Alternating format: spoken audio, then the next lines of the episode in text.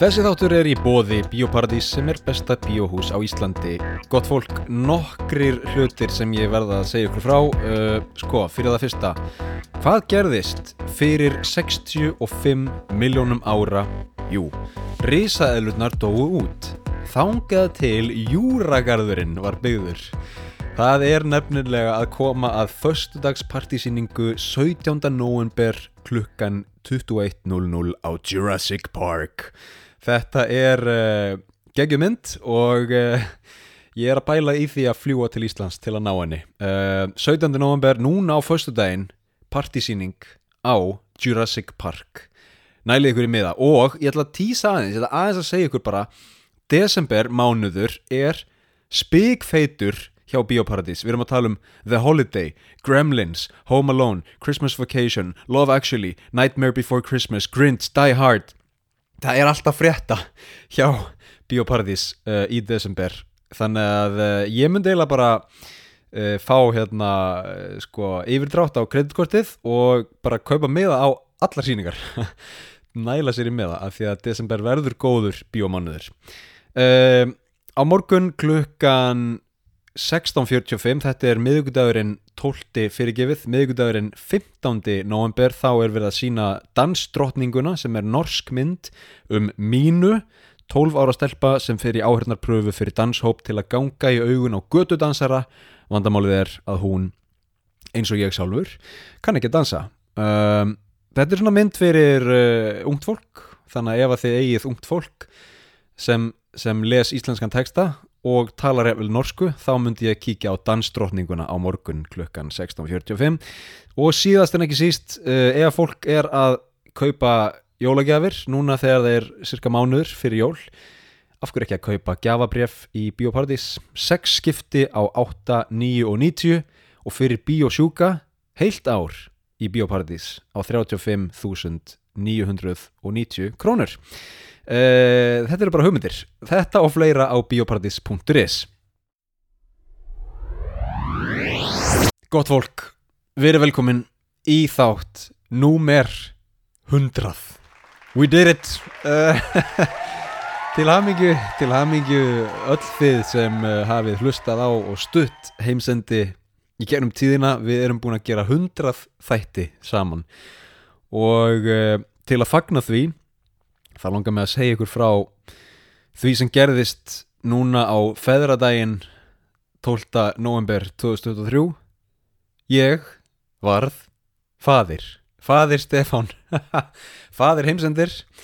Uh, heimsendir uh, hefur eignast nýjan hlustanda. Og hérna ég ætla að segja ykkur frá því. Þetta er þáttur um um það hvernig ég varð fadir auðvitað er náttúrulega hetja eða hetjurnar tvær eru sharing kona mín og, og nýfættur sonur minn.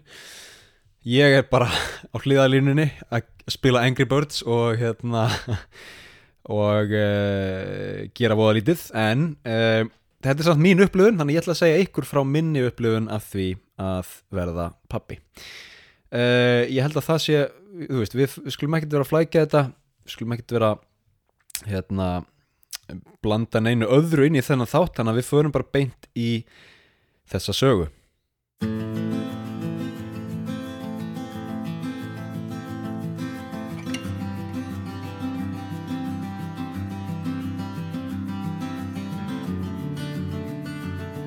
Mér langar að byrja á því að tala aðeins um meðgönguna. Uh, tala eins og ég hafi gengið með bann sem er ekki raunin en, en, hérna, en ég var vissulega hérna á hlýðalunni uh, sko við hérna sérinn áttuðum okkur á því að, að það væri bann á leðinni þegar við byggum í Tókjó og það var í mars á þessu ári og síðan sko flytjum við frá Tókjó í ágúst. Þannig að þetta er ykkur er fimm mánuður fjórir kannski þar sem við erum í Tókjó og, og hérna, mikið að gera hjá sérinn í skólanum mikið að gera hjá mér í alls konar ruggli bara, ég er náttúrulega tók upp stuttmynd og var að leika Mr. Darcy í, í Pride and Prejudice og, um, og svona ímislegt en við náðum samt að, að reyka heimilislíf rek ákveði, ákveði heimili með ketti. Ég man sko sérinn alltaf greiði var svo þreytt oft á meðgöngunni að stundum kom ég heim eftir síningu eða æfingu seint og þá var kötturinn bara út í gardi og sérinn sofandi inni og kötturinn bara út í gardi og smá svona rífa á hurðinni fyrir hann að koma inn. Um, sko Tito hefur tvísvar sloppið út úr garðinum í Tókjó hann alltaf fer ekki langt enda Tókjó, stór borg og hann bara skítrættur en hérna það er svona á þeim tíambúndi þá var það mín helsta martröð að Tito myndi sleppa út í Tókjó og bara enda eitthvað staðar niður í Shibuya. Þið vitið, verða einhver partyköttur þar. Um, þannig að hérna, það var oft mjög skrítið að koma heim og þú veist, kannski bara klokka nýju hún alltaf steinsóðandi og kötturinn út í gardi þannig að ég ég reyndi eins og ég gæt að klára þessi verkefni sem ég var með og geta verið til staðar til að elda mat, kaupa inn og eh, leika við köttin um, en hérna annars gekk þetta bara nokkuð vel og í Japan eru sko á meðgöngu eru, sko, eru skoðun á tveggjáina fresti almennt. Ríkið borgar brúsan og ma maður fekk svona vátsera þannig að við vorum ekki að borga mikið. Ef við borguðum eitthvað þá var það kannski 1000-2000 kall. Það, en það var mjög næst að vera sko, það var mjög næst að fá skoðun á tveggjáðuna fresti. Bara fá að fylgjast mjög grann með því hvernig hérna badnið e, óks á, á, á meðgöngu og, og sjá sónar og svona. E, en í ágúst þá flytjum við til Sapporo og erum þar í tvær vikur áður en ég þarf síðan að fara á skipið eins og hefur komið fram áður í heimsendi. Um, og ég var á skipinu í þrjár vikur en með öllu var ég í burtu í mánuð og það var svolítið erfitt náttúrulega að vera í burtu í mánuð þá er sérinn komin sko 6 mánuð á leið eitthvað henni 6-7 mánuð á leið og um, en hún er hérna með mömmu sína hjá sér sem hérna uh, er mikil stuðningur og mikil hjálp. Ég sko kem síðan aftur í lókseftember og, og er svona eiginlega alveg heima frá því. Ég þurfti aðeins að fara í vinnu fyrir Tókjó ég reyndi eins og ég gæt að klára alla vinnu og öll verkefni uh, í oktober og byrju november því að ég vissi í hvað stemdi og ég ætlaði ekki að vera með vinnu hangandi yfir mér þegar barnið kem í heiminn. Sko hér nefnilega í Tókjó er ekkert eða hér í Tókjó, hér í Japan uh, er ég ekki með neyn réttindi til að fá orlof eða þar að segja ég er náttúrulega vinn bara á netinu, vinn bara í alls konar ruggli, vinn í leikúsi fæ ekkert borga fyrir það.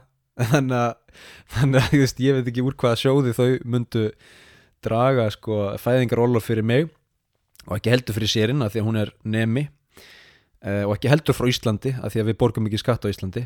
Um, þannig að þetta er þannig að þetta er bara svona við þurfum að við þurfum að sko bara borga mikið sjálf en ríkið kemur undar til mótsið okkur með ímislega, til dæmis fæðinguna. Komum kannski betra á því eftir. Uh, fæðingin kostar hingrið aðeins afsakið. Fæðingin kostar 700.000 eh, krónur en uh, ríkið borgar svona 500 krónur af því. Og þá á ég við japanska ríkið auðvuslega um, sko síðan erum við uh, komin mjög nálægt fæðingu segjum kannski bara undir lok oktober þá eru við svona farin að þá eru við farin að gera okkur hugmynd um hvenar barnið, hvenar drengurinn geti komið í heiminn. Klíningin sem sérinn fann í Sapporo er bara þannig gerð að það er mænudeyfing það er bara standard operating procedure þar og öllu jafna er gangsetning líka fyrir þau ykkar sem þekki það þannig að e, í stað þess að býða eftir e, því að allt fara af stað náttúrulega þá segir læknirinn bara ok, hérna Ég get ímynda mér að uh, eh, 11. november sé góður dagur eða 15. november eða eitthvað hannig og sérstaklega af því að undir loka oktober þá voru við farin að sjá að batni var stórt uh, í sko síðasta tjekkinu sem var í byrju november þá var í sónar barnið orðið sko 3900 uh, ekki kíló heldur gram um, og hérna það er alveg hátt í 16 merkur um, kom betur inn á þá eftir þannig að þá teki ákvörun um að setja alltaf stað 11. november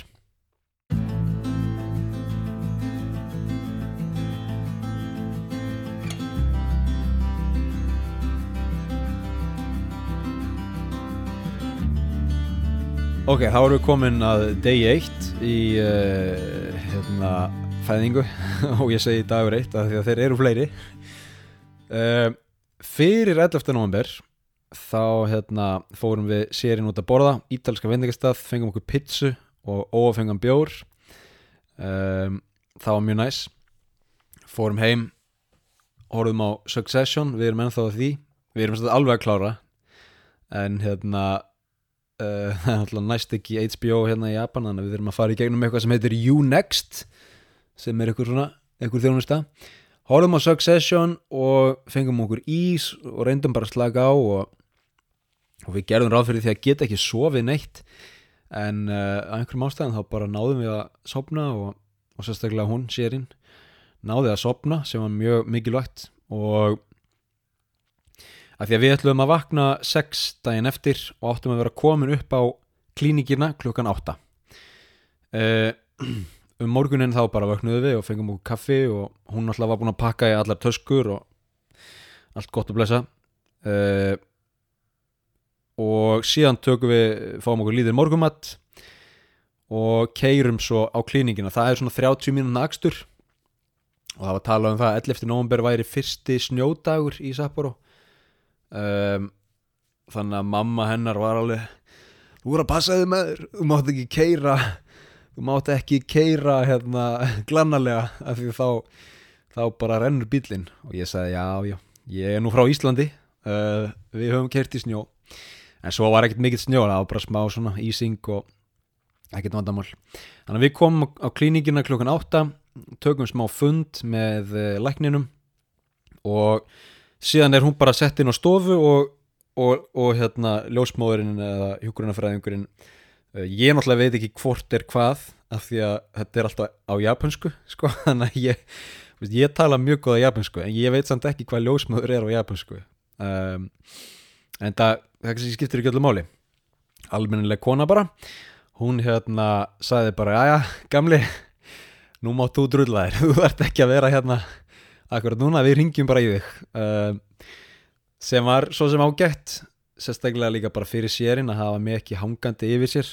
Þannig að hún gætt bara einbett sér og, og ég fór heim um, og ég ætlaði þú veist að fá mig bara havragraut heima og kannski meira kaffi og eitthvað svona en ég gati ekki gert neitt, ég gati ekki unnið þú veist, ég var bara svona svolítið stressaður og, og uh, ég ákvaði að fara út í garð í garðvinnu, uh, ég er að smíða stiga hérna í garðinum og það hjálpaði mjög mikið. Uh, þú veist, ég get ekki sinn tölvuvinnu, ég get ekki sinn einhver svona einbyttingarvinnu ég get eða ekki sinn einhver svona kreatífu en ég get, þú veist, hamrað og ég get, skiluru sagað, ég get gert eitthvað í höndunum. Það er bara svona það er mjög góð leið til að aðeins kúpla sig út um, og hætta að hugsa um þetta, skilur þau af því ég náttúrulega var þarna að býða bara eftir símtælinu og gerði í raun ráð fyrir því að sko lækninu hafi sagt um morgunin að barninu myndi koma bara um 2-3 fjöguleitið þann daginn sko, 11. november um,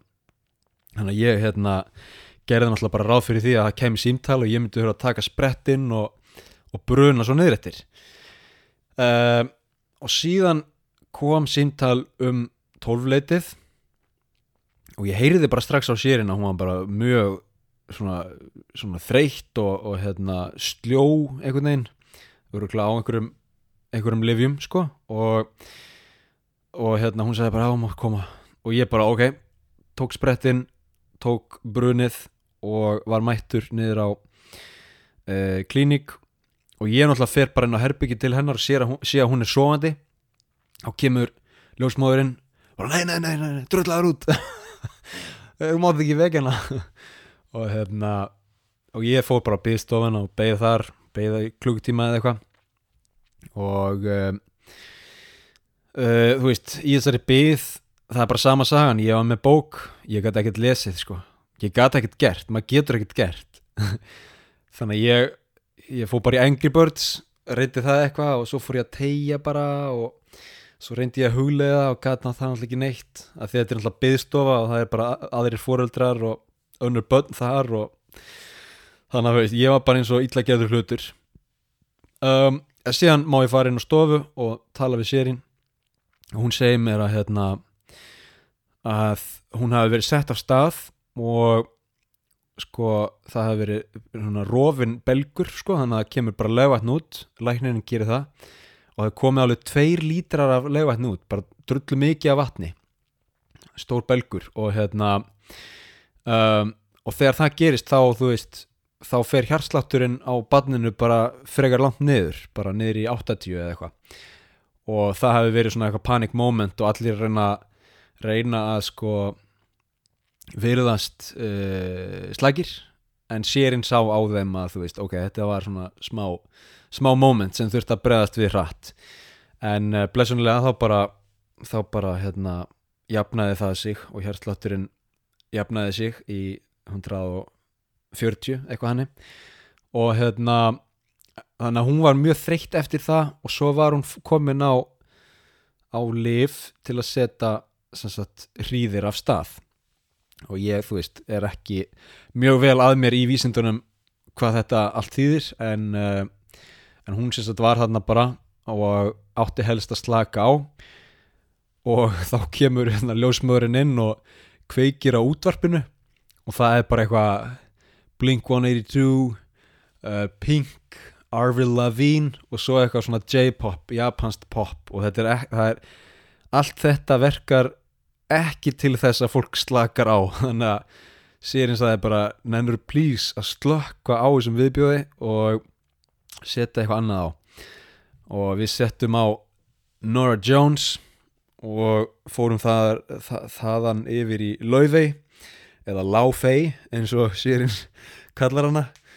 Uh, shoutout á Laufey sem er bara líklega okkar helsta stjarnar Íslandinga þessa dagana um, og frábær tónlistamæður uh, og við, við vorum bara hana í, veist, hún er reyna að slaka á sérinn er að slaka á og ég sko bara stari á hjartláttinu á badninu, ég bara er að fríka út, þú veist og alltaf þegar, þegar þú veist, hjartslátturinn fyrir eitthvað aðeins niður eða eitthvað þá bara, þá hérna stend ég upp skilur og eitthvað svona. En, en reynir bara að að hérna lefa sérinn að loka augunum og slaka á.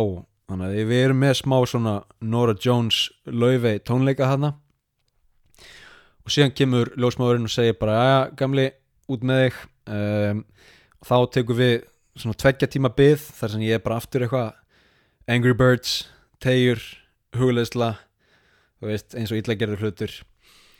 Og síðan kemur hérna kallið aðja, kottu nú inn. Og það er læknirinn mættur og hann segir bara Herra, þetta gengur brákið það, við erum hérna að komast upp í 7 cm í útvíkun og uh, þú veist, þetta er bara allt á leiðinni en nú klukkan orðin 5 og ég held að það sé bara snuðut að kalla þetta Dag B. Eggertsson og, þið, hérna, og við höldum áfram morgun, þannig að hún bara kvílist í nótt og þú veist, þannig er ég bara eitthvað, ok, um, make a sense, sérinn er auglustlega mjög þreytt og ef við hefðum bara farið af stað þarna þá hefði það tekið nokkra klukkutíma enn og batnið fæðist örglega eftir miðnætti þannig að betra bara hún kvíli sig, náðu kröftum og byrja eftir á morgun. En ég líka bara eitthvað byrja, en þarf ekki legvatni að vera inni? Hvað meinar þú? hvernig getur batnið verið bara án legvats uh, þú veist, hérna liggjandi í tómum heitapotti einhvern veginn. Uh, en augljóslega þegar maður hugsa það svona aðeins betur þá áttar maður sig á því að, að hérna, jú, það er allt í læg í 1-2 sólarringa í það minnsta um, og þannig að sérinn bara borðar kvöldmatt og ég fer og kaupi eitthvað að drikja handinni uh, augljóslega ekki áfengadriki kaupi hérna sótavatn og eitthvað svona.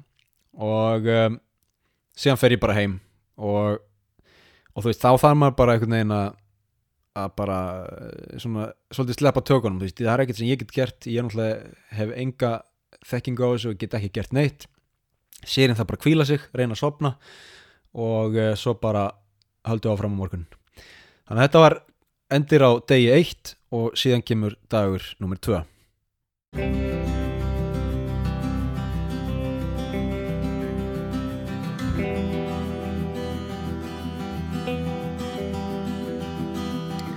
Uh, ég finn það að ég er að tala mjög hratt en það er ég spenntur og uppveðraður á góðan hátt Dagur 2 byrjar þannig að ég næði að sofa ágætlega og eh, vakna klokkan 6 og sko kvöldi áður, áður en ég fór heim þá sagði læknirinn sko hafið síman hjá þér, gæti komið náttúrulega símtalum nóttina en ef ekki þá bara ætlum að fara aftur á stað svona hálf sjö um morgunin þannig að það gæti komið símtal um áttaleitið á þig. Og ég vakna 6 fæði mig kaffi og er eitthvað svona að hugsa og ég fá mig gröð nei, ég hef enga list veist, ég hef enga list, ég bæði fæði mér ofta ekki morgumat og sérstaklega ekki eftir kaffi sko, allavega ekki strax. Og síðan hugsaði líka bara, ég er bara stressaður og ég, veginn, ég hef enga list á því að fá mér gröð, mér langar eða bara að drífa mig yfir á klínikið klínikina.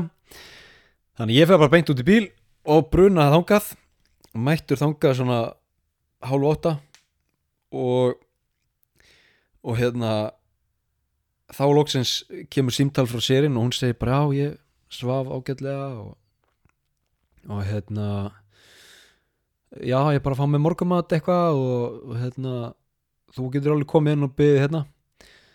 Ég fer í svona convenience store, kaupi mér smá nesti og alltaf svo farin í klínikina þá er allt bara lokað og læst.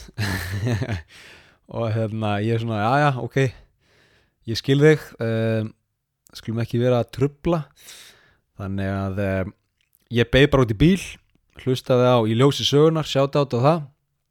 Og það var, sko, það var svo drullu kallt mínus fjórar gráður og bíling kaldur og eitthvað svona þannig að ég setti bara miðstöðin í gang og hlustaði í ljósi sögunar, bólaði morgumatt og ég var með kaffi með mér þannig að ég gæti drukkið það. Svo ákvaði ég að fara í göngutúr uh, lappaði þarna eitthvað umkring og fann, fann kirkjugarð. Auðvitað ekki kirkjugarður af því að það er bútismi í Japan og þetta er þá hof, hofgarður uh, hofstæðir. Og svo bara var ég að króknur kulda hann ég kom tilbaka á klinikina og, og þú veist þá var klukkan kannski hálf tíu og læknirinn ekki komin og ekkert komið frá sérinn ég er svona, ég bara skildi sneiðina skilur, ég bara, ég hugsaði bara ok, þetta er ekkert að fara í ganga alveg strax, ég er ég er svolítið óþarfur hérna, ég get ekkert gert. Ég er ekkert að gera neinum gott að vera eitthvað hérna út á bílaplani eitthvað að, að hérna horfa ekki um glugga skilur þannig ég bara ákvaða að fara að taka bensín á bílinn og, og hérna svo leitaði ég bara ykkur tjaldstæði eh, af því mér langar svo að fara að skoða það bara fyrir vetrarsísonið fann tjaldstæði upp í fjöllum keiriði bara þangað og kem út úr bílnum og sé strax að það er eitthvað skrítin dýraspor í snjónum. Og ég eitthvað svona býðu, getur þetta verið björn? Getur þetta verið lítill björn? Já. Um, eða, e, eða rísastór hundur ég veit það ekki. Um, ég fer eitthvað, þú veist, pæli því og taka myndir og googla myndir og svona og kemst að þeirri niðurstöðu að þetta var lítill bjarnar húni sem var þarna öruglega um fyrir um nóttina. Um, þannig að ég kalla svona út í loftið hó, hó! Uh, hann hefur verið lungu, lungu farinn sko. Og ég segi Bjarnar húni að því að frá fyrsta sko spori til fjórðaspors voru svona tveir metrar. Þannig að þetta, ef þetta var hundur þá var þetta svona 50 kílóa hundur um, en ég var bara eitthvað annað að chilla og svo fór ég aðeins lengur upp fjallið og kíkt á skíðasvæði og svo fór ég aftur niður í, í borg fór ég út í Vistabúð, kefti mér nýf þú veist. Ég, bara, ég var bara að reyna að drepa tíman ég var bara að reyna, þú veist, á meðan ég var að býða eftir símtælinu síðan fer ég að kaupa mér hátegismat uh, og er að fara að borða hann þá kemur símtælið og sérinn er aftur bara svona mjög sljó og þreytt og segir bara "Ah, eitthvað, það er ekki, þú veist, við erum ekkert eitthvað að ná miklum árangri í hana uh, útvíkunin gekk eitthvað eins niður um nóttina og, og hérna, þetta mun taka langan tíma þannig að, að þú getur bara farið heim. Þannig að ég fór bara beint heim uh, að komin heim kannski klukkan 11 fór aftur í garðinu þú veist, ég bara gæti ekki gert með þannig þannig að ég fór bara út í garð, reyna eitthvað að styrkja stegan og, og svona eitthvað að spá í næstu skref. Og þá kemur símtalið. Bara, ja, það er komin átta í útvikun þú mátt koma. Og ég bara hendi frá mér dranslinu hleyp upp, þú veist tek allt, ég hafa verið búin að taka allt til ég skipt um fött uh, beint út í bíl, tengdamamma kemur út í bíl líka. Og við bara brunum upp á klinik mætum þangað og það er bara sama og, og, á degi eitt Vist, ég fer bara að herbyrginu en veit að hún gæti verið svoandi þannig að ég fer ekkert inn. Og hjúkan segir bara hún er svoandi, ekki koma. Um, og hérna eða hjúgrunarfæðingurinn eða ljósmóðurinn, ég veit ekki hvort eitthvað á japansku, það er að segja. Þannig að við, tengdamamma, býðum á byðstofinni um, og það er aftur Angry Birds. Reyndar gæti aðeins lesið þarna var ég með bókina Kristnihald undir jökli eftir Lagsnes og ég gæti aðeins lesið henni og tekið nokkra tegjuæfingar og bara eitthvað svona vist, bara að drepa tíman eftir svona tveggja tíma byð þá kemur ljósmóður bara ja, við erum tilbúin. Og ég kem inn á stofu tengda mamma í, í eftirdrægi og hún, svona, hún er feimin þannig að hún einhvern veginn beigð bara svolítið fyrir utan og kannski svona kíkti aðeins inn af og til. og inn á stofu þá er bara allt ready. Uh, sérinn er bara hérna komin í stellingar uh, læknirinn er komin í stöðu og þú veist, ein, tvær ljósmæður eða, veist, eða ljósmáður og, og tveir hjúgrunarfræðingar eða eitthvað, ég veit ekkert hvað eitthvað en hérna allir komnir í stöðu og ég sest bara við hliðin á henni og, og þú veist, eftir að ég kem þá er þetta basically kannski 20 mínútur. Um, hann sagði bara að- strákurinn væri bara tilbúin að koma út en, en hann snýri eitthvað illa hann væri svona aðeins skakkur í grindinni. Þannig að það þurfti að taka sóklukku snúa, snúa höfðinu og svo voru bara þrýr stórir rembingar og síðan var bara hall og heimur. Og hérna þú veist, ég var bara orðlaus. Um, sko, læknirinn hafði sagt bara aðeins gamli upp með myndavöluna uh, veist, ég vissi ekkert hvort að ég var alltaf búin að spurja sérinn hei, viltu að ég taki vídeo eða myndir eða hvernig viltu hafa þetta? Og hún sagði bara já, endilega taktu vídeo.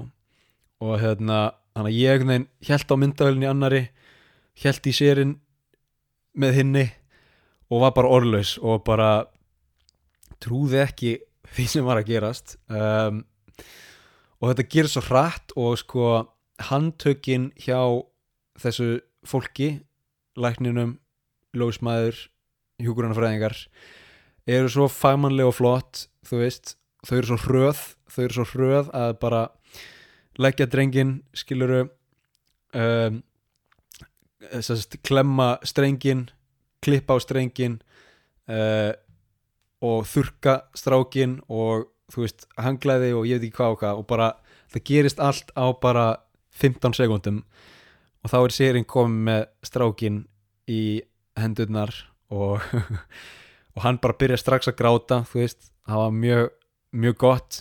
Hann byrjaði bara strax að gráta og hérna var bara hress. Og uh, þú veist og svo bara tökum við ykkur myndir og hérna tökum svona fjölskyldumynd og tengda mamma í bakgrunni einhvern veginn að fótobomma og þú veist ekkert að fótobomma þannig en bara þannig uppstilt sko því að hún var út í hotni svona, bara svona að kíkja fyrir hotnið einhvern veginn.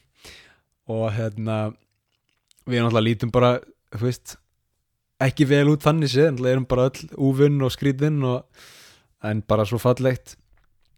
Og hérna og svo bara, þú veist svo það bara að, að uh, koma stráknum í, í smá tek og, og hérna og uh, svona klára, klára allt uh, saumastarf og, og hreinsunastarf og hérna og sérinn bara þú veist og við náttúrulega trúum bara ekki trúum bara ekki því sem er að gerast sko, þannig séð. Um, en hún var bara rosalega ánað að geta klárað þetta svona að þurfa ekki að fara í keisara eða eitthvað hannig um, og hún stóð sér bara rosalega vel.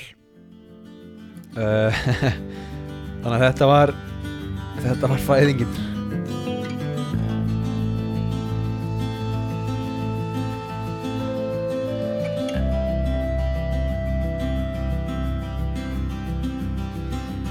Síðan erum við á stofunni í svona tvo tíma eftir það og uh, fáum að vera með strákin hjá okkur. Hann svona kemur aðeins og fer. Það fyrir að hún segir, hún segir hérna, ljósmóðurinn segir eitthvað, já hann er hann er mjög stór á japanskan mæli hverja sérstaklega.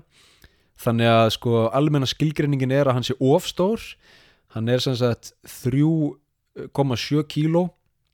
Um, og ég sagði upphafi að hann hefði verið sko 3,9 í, í, í í sko skoðun, í síðustu skoðun uh, en það var líklega af því að það var svo mikið lögvakk þannig að það var sagt, aðeins hérna, yfir uh, mörgum eða sagt, smá, smá vill á þar. Og svo kemur hann út og hann er 3,7 kíló og, og hérna sem er ofstórt einhvern veginn í Japan þannig að þá er vist auðvelt fyrir blóðsigurinn að falla. Þannig að hann fær uh, þrúu, þrúu vatn og og hérna hressist bara við það og, og fær að vera á stofinu hjá okkur og við höfum að býða á stofinu í tvo tíma áður en hún fær að fara yfir í herbyggi sitt og, og, og strákurinn fer sem sagt á sko ekki eh, ekki vökudeild en ég veit ekki hvað, hvað það heitir sko en það er bara þú veist þess að tjúkurnar eru og ljósmeðurnar eru þannig að að eh, sem sagt sjá um strákin fyrstu nóttina. Um, sérinn er náttúrulega bara ótrúlega þyrst eftir fæðinguna. Uh, þannig að við erum bara að ganga á vassbyrðir borgarinnar. Nei nei um, og hún hérna drekkur vel og hún er að borða eitthvað smá. Strákunum fær að vera hjá okkur fyrstu tvo tímana og hann er bara þú veist grætur aðeins en en svo bara róast hann og er bara, þú veist, eiginlega sofandi. Hann er að opna augun alltaf, alltaf er að opna augun. Og stæðsta spurningin okkar er byrju, er hann með blá augu eða er hann með brún augu? Mamman alltaf með eiginlega svört augu sko, það er alveg dökkbrún og ég með blá. Og hvor hérna hvort, hvort hérna hvort verður það, skilur þau og hann svona reynir að opna augun þú veist, hann er eitthvað, ég er að reyna að sína ykkur þetta.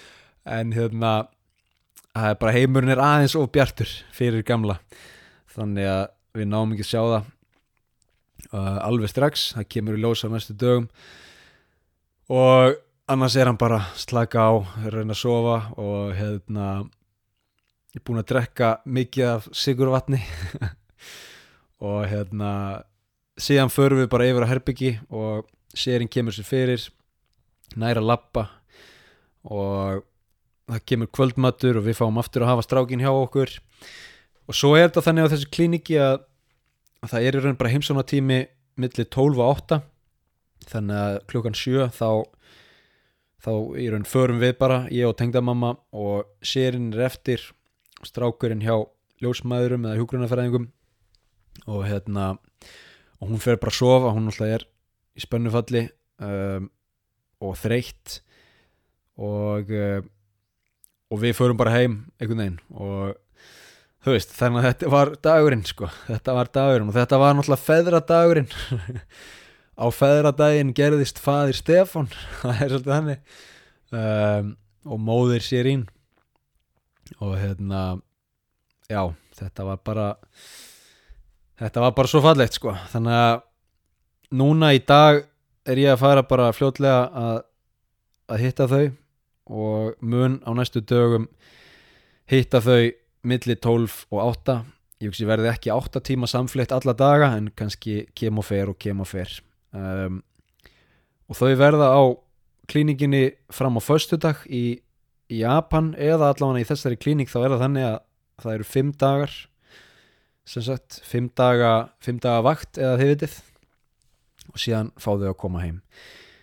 Þannig að eh, þannig að þetta bara gekk rosalega vel og og hérna, já. Og uh, við erum bara rosalega hamingsum með þetta allt saman. Um, fadir Stefán og móðir Sýrin það er bara svolítið hannig uh, pluss einn í heimsendi. Ætla hann skráði svo Patreon? Ég veit það ekki. Hann fæði frían aðgang. Uh, þetta er bara rosa gott. Og ég var svona eitthvað að pæli að hafa þetta Patreon only þátt en uh, svo hugsaði ég bara, þú veist þetta er þáttur nummer 100 og, og það er bara fátt betra að fagna 100 þáttum á feðradaginn uh, með fæðingu sonar. Uh, Takk fyrir að hlusta og uh, í næstu viku kemur öðruvísi þáttur. Það er, það er hérna næsta stórveldi Asju þá ætla ég að fjalla um fjögur lönd í Asíu sem eru beint eða óbeint að keppast um það að vera næsta stórveldi. Efnahagslega hernaðarlega og hvað varðar reynlega möguleika þessa lands til að lifa af 21. öldina. Það kemur í næstu viku. Síðan er langþráður þáttur um Yuki og Mishima. Hann kemur líka á næstunni fljótlega ætla ég að gera þætti um rústneska landkönnuði sko hér beint fyrir norðan Hokkaido er Kamchatka skagi rússar komu inn á Kamchatka skaga einhvern tímann á 19. öld held ég að lörgla uh, sáu og sigruðu með góðu eða ítlu og, og ég raun stækkuðu út rúsneska keisaraveldið uh, og gerðu það stæsta veldi heims. Þannig ég ætla að fjallum landkönnuði, ég ætla að fjallum uh, frumbyggja hópa, ég ætla að fjallum stríð og orustur, ég ætla að fjalla um fánu og flóru þessa svæðis og ég ætla að gera það svona uh, að svolítið sögulegum þætti. Þannig að það, það kemur á næstunni það gæti orðið bara seria jável uh, rústnesk útbreyðsla og eiginlega ástæðan fyrir því að mér langar að gera þetta er bara sko þú veist, náttúrulega er ömulegt ástand í Rúslandi akkurat núna og ömuleg stjórnvöld í landinu en rúsnesk menning og rúsnesk saga lifir og eh, og sko ég persónulega hef mjög, mjög gaman af rúsneskri menningu og rúsneskri sögu uh, rúsneskum bókmyndum, rúsneskri tónlist og rúsneskum mat. Um, þannig að þrátt fyrir að, að Putin sé aumingi og, og stríðið sé ömulegt þá hérna þá kannski láka með hans að fjallum svona uh, sögulega samhengið sko. Um, en það er, er önnur saga eins og við segjum. Þessi þáttur átti nú ekki að hérna, snúast upp í upp í talum Rúsland um, sko já það er eða bara hérna ég nein, er ennþá bara í spennufalli og, og og svona ég bara er brosandi ég er bara endalust brosandi. Þannig að það er svona staðan sko. Um, næstu dagar, næstu vikur eru mjög spennandi og ég, við ætlum að liggja hérna heima og glápa á Home Alone og Christmas Vacation og allt það uh, í kringum andvökunætur og eða vansveftanætur og, og allt það sko. Umlugin snjóteppi hérna í Sapporo. Uh, en ég ætla samt líka að vera dölur að segja ykkur frá hvernig, hvernig hérna, lífið er í Sapporo og í blandu það kem ég með fleiri þætti um Japan og, og söguna hérna í kring og menninguna. Takk aftur fyrir að hlusta og við heyrumst í næsta þætti